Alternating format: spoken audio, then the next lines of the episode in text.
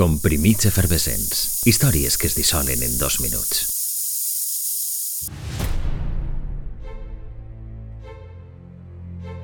Mai una cançó d'aniversari resulta tan sensual ni tan reveladora. Tampoc mai no s'ha pogut descartar ni confirmar que el president i l'actriu arribaren a ser amants.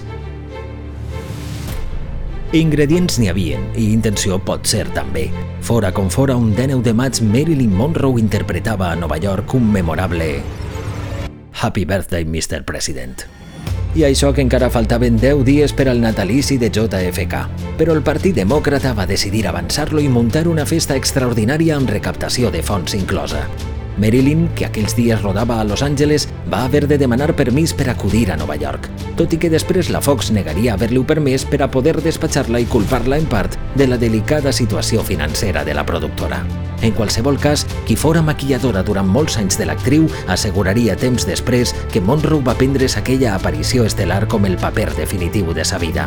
Casatjaria sense descans i amb una dedicació absoluta per a deixar bocabadades generacions senceres.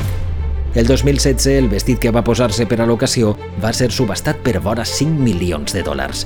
Tristament, els dos protagonistes de l'assumpte no sabien que el futur immediat anava a ser molt cruel amb ells. A ell el matarien l'any següent i a ella la trobarien morta tres mesos després d'aquella llegendària interpretació d'un 19 de maig de 1962.